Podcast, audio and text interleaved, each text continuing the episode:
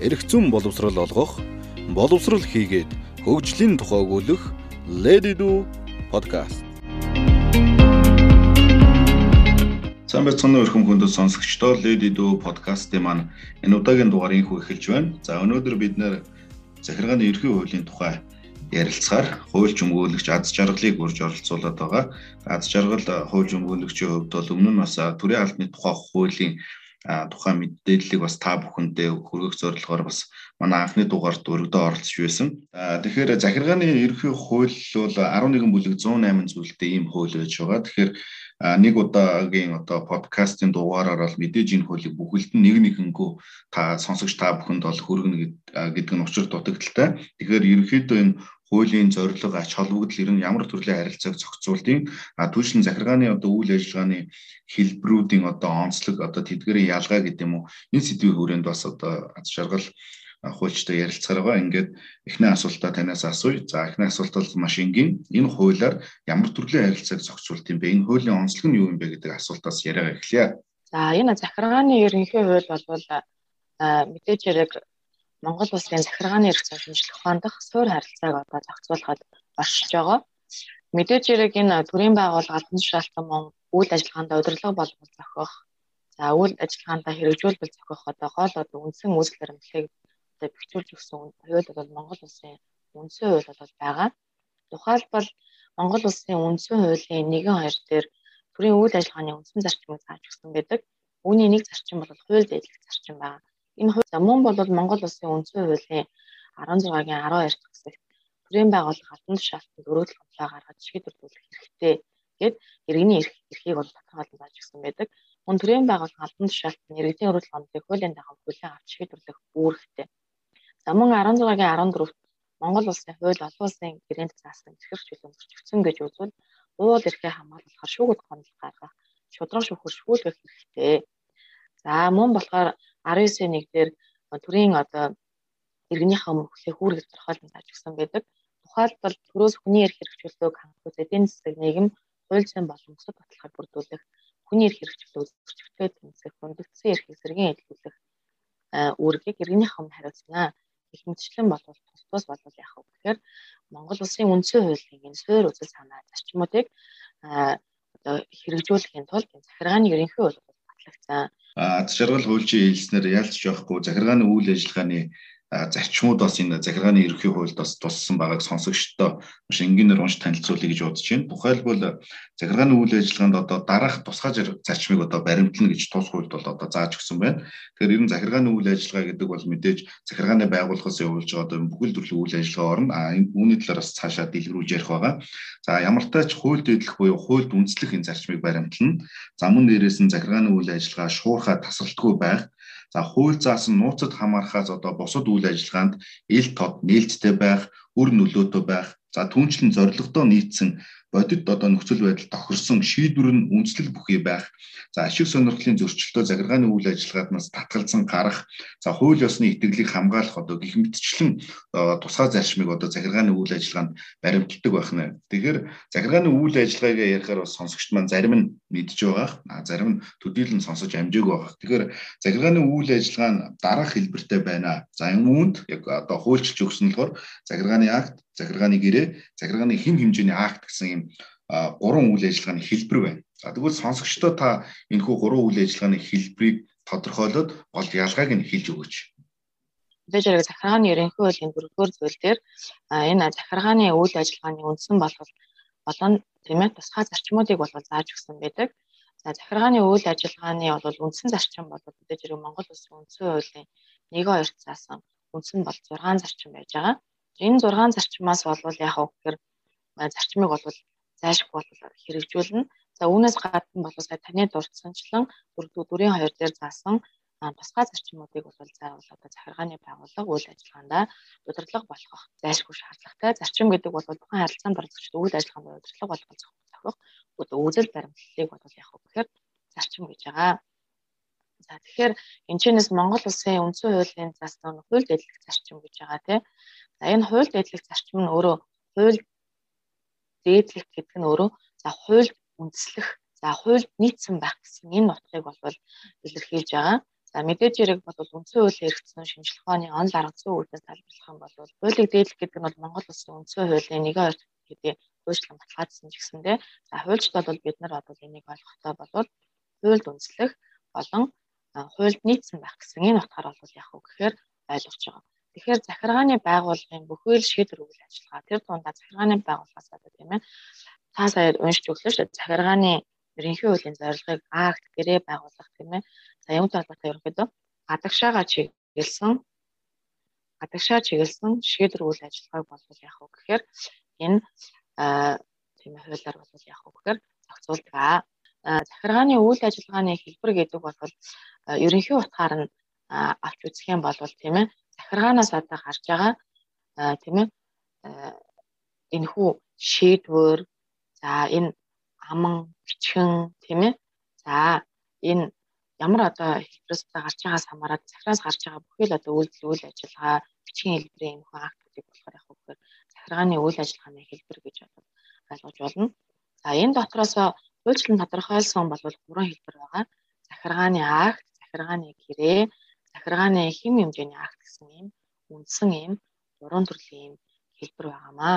Захиргааны үйл ажиллагааны захиргааны акт гэж юу хэлж байгаа юм бэ? Захиргааны ерөнхий хуулийн 37-гийн 1 дээр захиргааны байгууллага тодорхой нэг тохиолдлыг зохицуулахаар нийт эрхцэн хүрээнд гадагш чиглэсэн эрхцэн шууд үр дагавар бий болгосон амаар бичгээр гаргасан захирамжилсан шийдвэр үйл ажиллагааг болгоно гэж тодорхойлсон байж байгаа.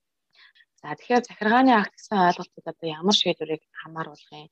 Түүнд тавигдах үндсэн шаардлага нь юу юм? За захиргааны акт нь хууль зүйн хувьд чинь төвлөрдөр байх нөхцлүүдийг захиргааны ерөнхий хуулиар хуучлан заасан байдаг. За мөн захиргааны акт алдаатай бол түүний үйлчлэлийг алдааныхын шинжээ шинжээс нь хамааруулан ялгамжтайгаар хуульчилж өгсөн байж байгаа. За энэ захиргааны байгууллага гэж одоо юу хэлж байгаа юм бэ? Тийм ээ. За тэгэхээр захиргааны байгууллага гэдэг бол нийтийн эрхцэн хүрээнд нийтийн эрх ашиг сонирхлыг илэрхийлэн захирамжилсан шийдвэр гаргадаг нийтийн эрхцэн этгээдийг захиргааны байгууллага гэж байгаа. Тэгэхээр хуучин бол захиргааны байгууллага гэдэг үс эрхэмлэлийн хүрээнд үйл ажиллагаа явуулдаг тийм ээ. Төв орон нутгийн байгууллагууд гэдэг юм уу ойлголт одоо байсан болвол энэ захиргааны ерөнхий хуулийн 5 дугаар зүйлээр ингэж тодорхойлж өгснөөрөө эрх зүйн хүрээнд тийм ээ нийтийн эрх ашиг сонирхлыг илэрхийлсэн захирамжилсан шийдвэр гаргаж байгаа бүхий л байгууллага энэ гаргасан шийдвэрийнхаа улмаас захиргааны байгууллага болно. Захиргааны ерөнхий хуулийн үйлчлэлд хамаарна гэж бол бид нар бол ойлгож байгаа. Захиргааны хэргийн шүүхийн энэ хүү захин сангаас энэ гарч байгаа нийт маргаануудыг аваад үзэхээр бас мөн одоо адилхан ихэнх маргааны одоо дийлэнх одоо хувийг бол захиргааны акттай холбоотой маргаан бол эзэлж байгаа. За тэгэхээр захиргааны ерөнхий хууль маань 2015 онд батлагдаад 16 оноос эхэл дааж үлдсэн.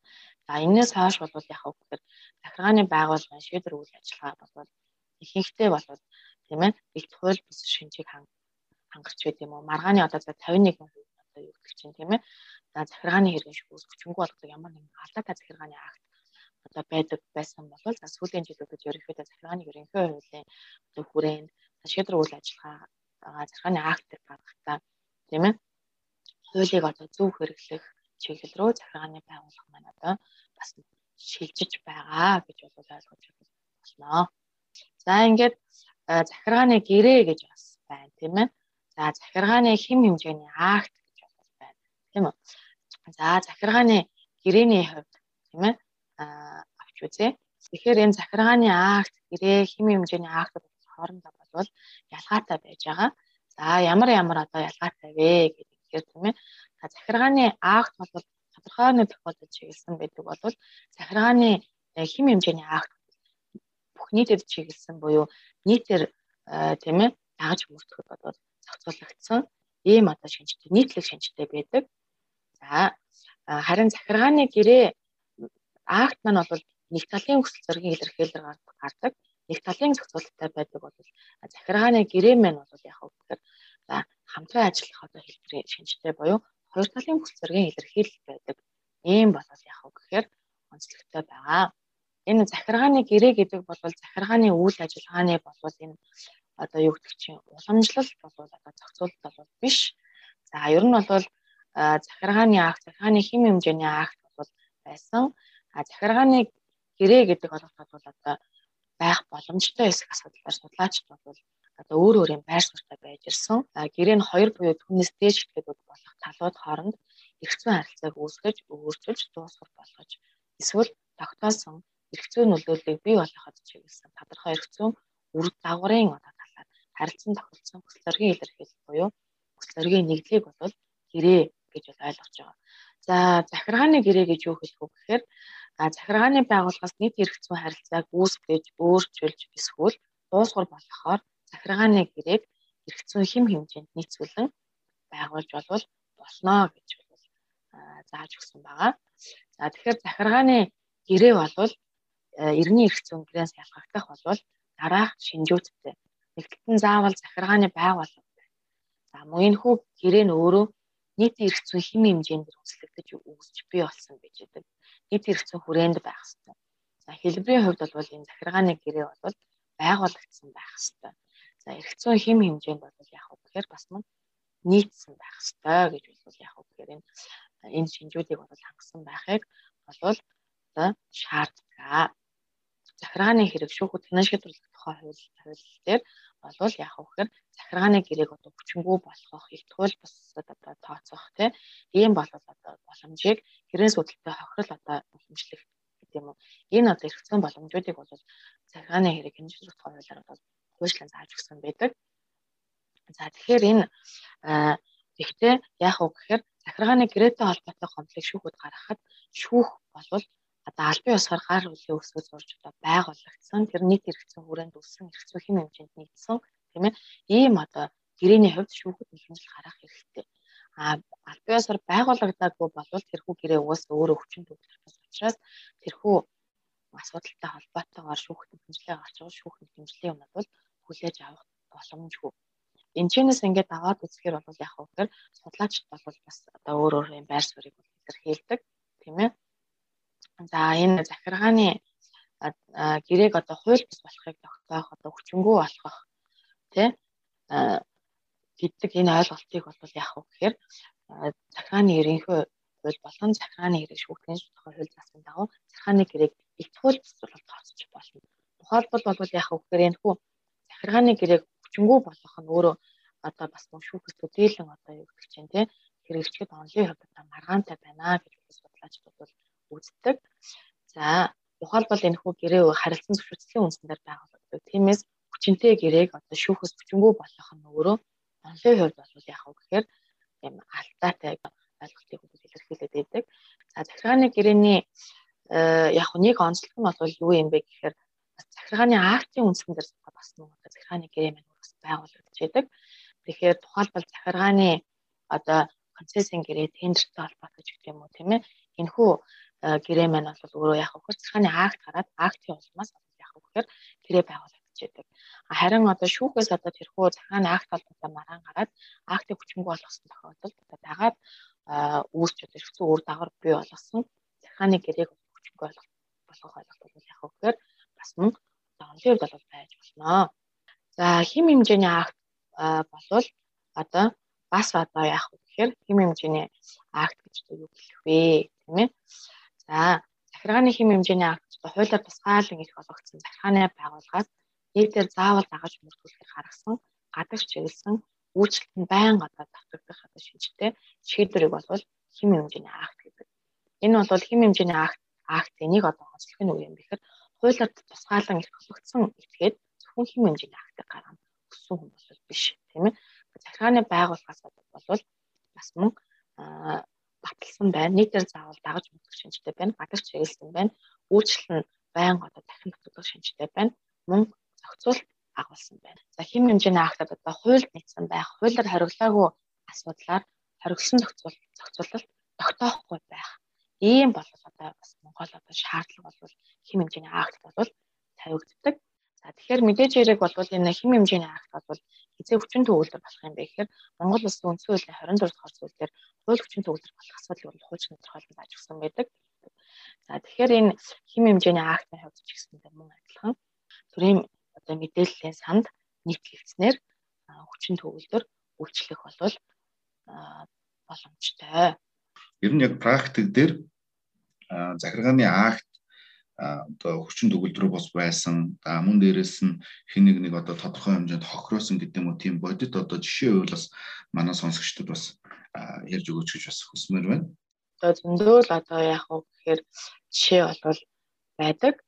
За яг уу зүгээр дурдъя гэдгийг за би болвол энэ хууль дэдлэх ёс сэтгүүл дээр за энэ төрийн албаны тухай хууль төрийн албан агчтай холбоотой төрийн байгууллагаас төрийн албан агчтай холбоотой шийдвэр үйл ажиллагаа гаргахдаа за алдаа эндэгдэл одоо гаргаж ирсэн ч гэдэм үү тийм энэ тохиолдлуудыг бол жишээгээр бол бас мөн одоо бич тэмдэглэсэн байдаг. За мөн тэрнээс бас дэлгэрүүлээд одоо харж бас болох бах. За ийм өөр одоо бодит одоо жишээ гэх юм бол Монгол улсын захиргааны хэргийн шүүхийн гарч байгаа нийт маргааны ерөнхийдөө дийлэнх одоо бас хувийг газрын маргаан бол эзэлж яадаг. За тэгэхээр газрын маргаантай холбоотой асуудлаар л тэгээд ингээд аваад үзэхэд бол яах вэ гэхээр төрийн байгууллага албан тушаалтны одоо бууртай үйл ажиллагааны улмаас газар давхардуулан олгогддог. За хурш одоо айлуудын газар тэг хурш компани газрууд одоо тийм ээ давхардах дундаа тийм ээ одоо энэ энэ кадастрын зураг болон газрын гэрчлэгэн дээр байгаа газрын одоо хэмжээ зөрөгч гэдэг юм уу. Ийм асуудлууд бол маш их бол бас байдаг. За жишээлбэл энэ одоо юу талбартай байдаг вэ гэхээр үйлдвэрлэх хэдрэнгийн улсын бүртгэлийн тухай хууль дээр тухайн одоо газрын кадастрын зургийн хэмжээ болон тэмэдэрхүү газрыг худалдаж авсан бол худалдах худалдаа авах гэрээнийх нь хамтаар болвол бүртгэж аваад үйлдвэрлэх хэдрэнгийн гэрчлэгээ гаргадаг. Гэтэл одоо нэг эрхэн газрыг худалдаж авчихад за улсын бүртгэлийн газруудаа хандлаа гэж үзэхэд за ингээд хандтал улсын бүртгэлийн газар тэрхүү хоёулаа ирээ гэдэг ч юм уу тийм ийм шалтгаанаар бол бүртгэж аваагүй буцаацсан байна гэж бодъё. За тэгвэл энэ энэ асуудал дээр бол вэ гэхээр үйлдвэрлэх эд хөрөнгийн улсын бүртгэлийн тухай хууль за мөн гэрчлэгээ олгох журам үйлдвэрлэх эд хөрөнгийн гэх юм уу те энэ үйл ажиллагаа энэ одоо журмууд дээр бол юу заасан байдаг гэхээр тухайн одоо асууд энэ газрын тодорхой метр квадрат одоо газар энэ хэрхэн худалдаж авсан байх шүү гэдэг дээр тэрхүү газар дээр тэмдэглэгээ хийх одоо боломжтой байдаг. А гэтэл тэмдэглэгээ хийгээгүй улмаас нөгөө иргэн чинь газраа нэг хүн зарчим байх давхар өөр хүн зарчдаг. Нөгөө хүн худалдаж авсан газраа усын бүтээл бүтгүүлээгүй байхад нь өөр хэн нэгний нэрлүү чигсэн байдаг ч гэдэм үү тийм. Ингээд одоо маргаан үсээ явдаг. Тэгэхээр энэ энэ асуудал дээр бол цэвэр нөө захиргааны байгууллагын үйл ажиллагаатай холбоотой байж байгаа. Тухайлбал одоо тухайн захиргааны байгууллагаас бол үйл хөдлөх хэдвэрийн улсын бүртгэлийн гэрчлэгийг нэгээс нөгөөрөө одоо шийдвэрлэхдээ энэ нь одоо барьцаанд байна уу? Өөр хин нэгэн үлдэхэд энийг худалдсан зарсан борлуулсан тэмдэглэгээ юм эсвэл шүүхэн шийдвэрийн хураагч гэдэг ямар нэгэн үйл хөдлөлтөй байна уу гэдэг одоо ямиг бол зайлшгүй захиргааны ерөнхий хуулийн нэг 24 дугаар зүйлсээс бодлон тогтооход тэгээд нөгөө шийдвэрээ гаргах хэрэгтэй. А харин хин нэгэн итгэж зарагдсан худалдагдсан байвал нөгөө итгэж бол яах вэ гэхээр сонсох ажиллагаа явуулж мэдэгддэг ч юм тийм ээ. Ийм одоо чи өөрөө захиргааны ерөнхий хуулиар зааж өгсөн нөгөө чи өөргөө хэрэгжүүлээгүй болмоос энэ маргаан одоо тохиолдлууд маш их гэхээр гардаг. Энэ төрийн албатай холбоотой одоо дараа нь бол мэдээж төрийн албатай холбоотой маргаан эзэлдэг. За тэгээд дараа нь одоо төрийн шалгалттай холбоотой маргаан эзэлдэг ч гэдэг юм уу тийм. За ингээд энэ төрийн албатай холбоотой одоо маргааны хувьд бол яах вэ гэхээр за жишээлбэл энэ засаг дарга аа тийм ээ За төрийн захиргааны албан агчийг одоо томилох одоо чөлөөлөгчийг бүрхийг бол эзэлдэг. За ингэхдээ болохоор яах вэ гэхээр төрийн албаны тухай хууль заасныг одоо үндэслэн тийм ээ. За төрийн албанаас бол халсан байгаа тухайн албан агчийг За одоогийн энэ шинэ үеийн 47 49 2 тийм ээ. За ингээд энэ энэ дээр халах үндэслэлээр болохоор одоо бол юу заасан бэ гэхээр 3 ба түүнээс дээш удаа тийм ээ ажилтаа одоо хайн ганцсан бол гэж байдаг.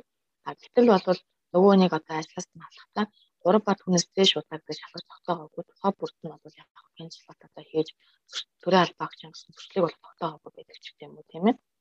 Аа мөн болохоор энэ захиргааны ерөнхий хуулийн 4-2-ын 5 заасан нөгөө захиргааны акт зорилготой нийцсэн бүтэц нөхцөлтэй тохирсон үндэслэл бүхий байх зарчмаа өөрөө энэ захиргааны байгууллага маань тушаа шийдвэр гаргахтаа түүнийг ярьдаггүй ч гэдэг юм тийм ээ.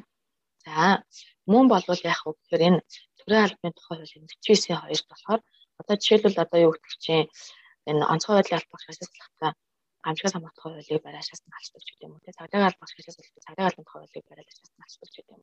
А гэтэл бол энэ төрийн албан агчийг одоо ажлаас алгах гэж бамдуулахтай заавал бол яг хөө гэхээр төрийн албаны тухай хуулийн зохиох одоо зүйл залтыг хэрэгсэн байхыг бол шаарддаг байна. За ингээгүй улмаас бол яг хөө гэхээр энэ захиргааны акт бол алдаатай байж байгаа. За энэ засаг дарахтай холбоотой болвол за нэг аймгийн засаг дарахтай холбоотой бол маш олон одоо юу гэдэг чинь одоо төрийн захиргааны одоо алфагчдыг ажлаас нь халсан, чөлөөлсөн, тэр нь үнэлэлтэд үнэлэхгүй маш олон шийдвэр гаргасан. За энэ болгон бүх одоо шүүхээр ингэж яваад за тэгээ зарим нь одоо тодорхой хугацаанд бусад ажилдаа орсон, томилогдсон. За тэгээд шүүхээр яваад томилогдох шийдвэр гаргахаар тэрийн томилог шүүхэн шийдвэрийг биелүүлдэг ч гэдэг ингээ байгаад байдаг. А тэгэхээр яг уу гэхээр энэ зөвчлөө хууль болон Монгол улсын эрүүгийн хууль болохоор шүүхэн шийдвэрийг биелүүлэх шүү. Эс биелүүлэх шүүхэн шийдвэрийг дөрөв үзүүлжтэй биелүүлэх тийм. За ингэсэн тохиолдолд бол харьяаллын дагуу цагдаагийн байгууллага шилжүүлэх тийм ээ. За ахлах шийдвэрийг үүсгэх чухал зөвчлөө хуулийн дагуу арга хэмжээ авах гэдэг юм уу. Ийм одоо зохицуултыг одоо зааж өгсөн байдаг. За ингээд нэг засаг дарга бол яг одоо эрүүгийн хэрэг шүүхэн шийдвэрүүд одоо биелүүлэхээс одоо зайлсхийх те ийм одоо шинжийг одоо агуулсан байна гэж үзээд харьяалын дагуу цагдаагийн байгууллага шийдвүүлээд эрүүг эрүүг үүсгэгдсэн байдаг. За ингээд эмчэнээс болохоор яг үгээр яг ингээ үүсгэж шалгаад ингээд явхаар алдаа индексийг хүлээн зөвшөөрөөд тухайн хүний ажилд нь авах гэдэг юм ийм ингээ шийдвэр гаргацдаг. Ийм тохиолдол бол яг үгээр байдгаа. Тийм. За ингээд захиргааны энэ ерөнхий хууль маань бол захиргааны байгууллагыг бол зоргоороо авирлах тий одоо хуулиас гадуур одоо шийдвэр гаргах одоо бүхэл одоо энэ норм стандартыг хөөс тодорхойлон зааж өгчихсэн байхад хуулиас гадуур одоо дуран мэдрэмж юм шийдвэр гаргах энэ одоо байдлаас одоо тийм ээ аль болох одоо сэргийлэхийн тулд сэргийлэхийн тулд яг хөөрийн захиргааны ерөнхий хууль маань гарсан. Тэгэхээр энэ захиргааны ерөнхий хуулиар хуулиар бол яг хөөр энэ буруутай албан тушаалтан тийм ээ гаргасан. Төр одоо буруутай байна. Энэ хүн ажлаасаа өмсөлгүйгээр халагдсан байна ч гэдэг юм эсвэл одоо юу гэдэг чинь? Энэ одоо газрын одоо хурааж авсан эргүүлэн авсан энэ хөшгөдөр нь одоо үнэлэхгүй байна эргэцэн үнэлэхгүй байна тийм ээ. Гамтаатай захиргааны акт байна гэдэг ингээд үзчих юм бол яах вэ гэхээр нөгөө хүн маань яах вэ тохирол ажиллах хэмжил гаргадаг тийм ээ. За ингээд учирсан хохирлоо ажилгүй хугацааны цалин нэмэлт зөвчтүүд нөхөн бичлэл хийх гэдэг юм энэ одоо чи өөрхийг одоо шүүхээс бол хэрэгжүүлэхээр шийдвэртэй тусгаж өгдөг. За ингээд төсвөөс бол тухайн иргэнийг одоо хохирлгүй болгоод хохирлыг нь бол төлчдөг. Эргээд төсвийг хэн одоо хохирлгүй болгох вэ гэхээр нөгөө буруутай шийдвэр гаргасан төсвийн ерөнхийлөн захирагч те нөгөө агентлагийн дарга гэдэг ч юм уу зөв даргач гэдэг юм уу тийм ээ. Энэхүү буруутай шийдвэр гаргасан захиргааны байгууллага алтан тушаалтан байна өөрөө яг хөхөр хариуцлах хүлээхээр тийм ээ ингэж зааж өгсөн гэж байгаа. За ингээд бол яриул бол маш олон одоо жишээ баримтуудыг бол бид нар бол дурдж болно. Тий. За ингээд за ингээд нэгэнт бол ингэж ярьсных за бас нэг одоо хэмжлэлтэй холбоотой зүйлийг бол ярьчихад за захиргааны хэрэг шүүгүүд финансиал тогтоохын хуулийн 106 дугаар зүйл дээр бол хэд хэдэн төрлийн хэмжлийн төрлүүдийг бол хуулийн баталгааг нь зааж өгсөн гэдэг. Хэдийгээр хууль хэмжлийн төрлүүд заагүй боловч шүүгээс гарах шийдвэрийн төрлийг харахад бид нар ямар нэг хэмжил гаргах боломжтой вэ гэдгийг бол харж болдог захиргааны хэрэг шүүгүүд энэ шийдвэрлэх хуулийн 52 дугаар зүйл дээр тийм ээ энэ ихэмжлэл бүрийн үйлчлэл нөхцлүүдийг бол тодорхойлон хуульчлан болвол зааж өгсөн байдаг. За тэгэхээр жишээлбэл хүчингү болох ихэмжлэл гаргаж байгаа тохиолдолд заавал яг хөхөр захиргааны акт гэрээ хэм хэмжээний акт байна ч гэдэг юм уу тийм ээ. За энэ хүү энэ нь өөрөө хүчиндүү үйлдвэр байх хэвээр. За ингээд хүчингү болох нь хэмжил гаргаж байгаа тохиолдолд заавал одоо юу гэдэг чинь зөрчлөн шийдвэрлэх ажиллагаа явагдсан байх хэрэгтэй. За энэ хүү хүчингү болох хэмжил гаргаж байгаа энэ хүү захиргааны байгууллагын одоо шийдвэрийн улмаас ямар одоо хохирол одоо учирсан тий. За эргээд одоо жишээл хүчингү болгоод даалгаад хохирол ажиллах ч гэх юм уу тий. Энэ их хэмжлүүдийг бол хамтдан гаргаж болдог. За энэ болгон дээр болох хэмжил болгон өөр өөр гэсэн зөрчилсөн нөхцлүүдтэй байдаг байгаа. За энийг бол бас уу тэгэхээр иргэдийн хувьд бол одоо танилцаж мэдэж за түүнийхээ үндсэн дээрээс бол яг уу гэхээр шүүхүүд одоо нэг хэмжлээ зөв тодорхойлон гаргах юм шаардлагатай байж. За баярлалаа. Нэг биш нэлээд хэдэн жишээг бас манай сонсогчдод маш ойлгомжтой богино хугацаанд бас танилцуулсанд маш их баярлалаа. За тэгэхээр Lady Do podcast-ийн маань бас энэ удаагийн дугаар энэ дүрээд өндөрлөж байна. Захиргааны ерөнхий хууль гэсэн 11 бүлэг 108 зүйлд энэ одоо том хуулийг одоо энэ суур хуулийг бас богино хугацаанд жишээ баримттайгаар бас ингээ ойлгомжтойгоор сонсогчдод одоо судлаач оюутнууд гэдэг юм уу замун дээрээс нь энэ чиглэлээр сонирхон судалж байгаа хүмүүст сонирхолтой мэдээлэл хүргэсэн танд баярлалаа. Ингээд таны цаашдын ажил амьдралд амжилт хүсье.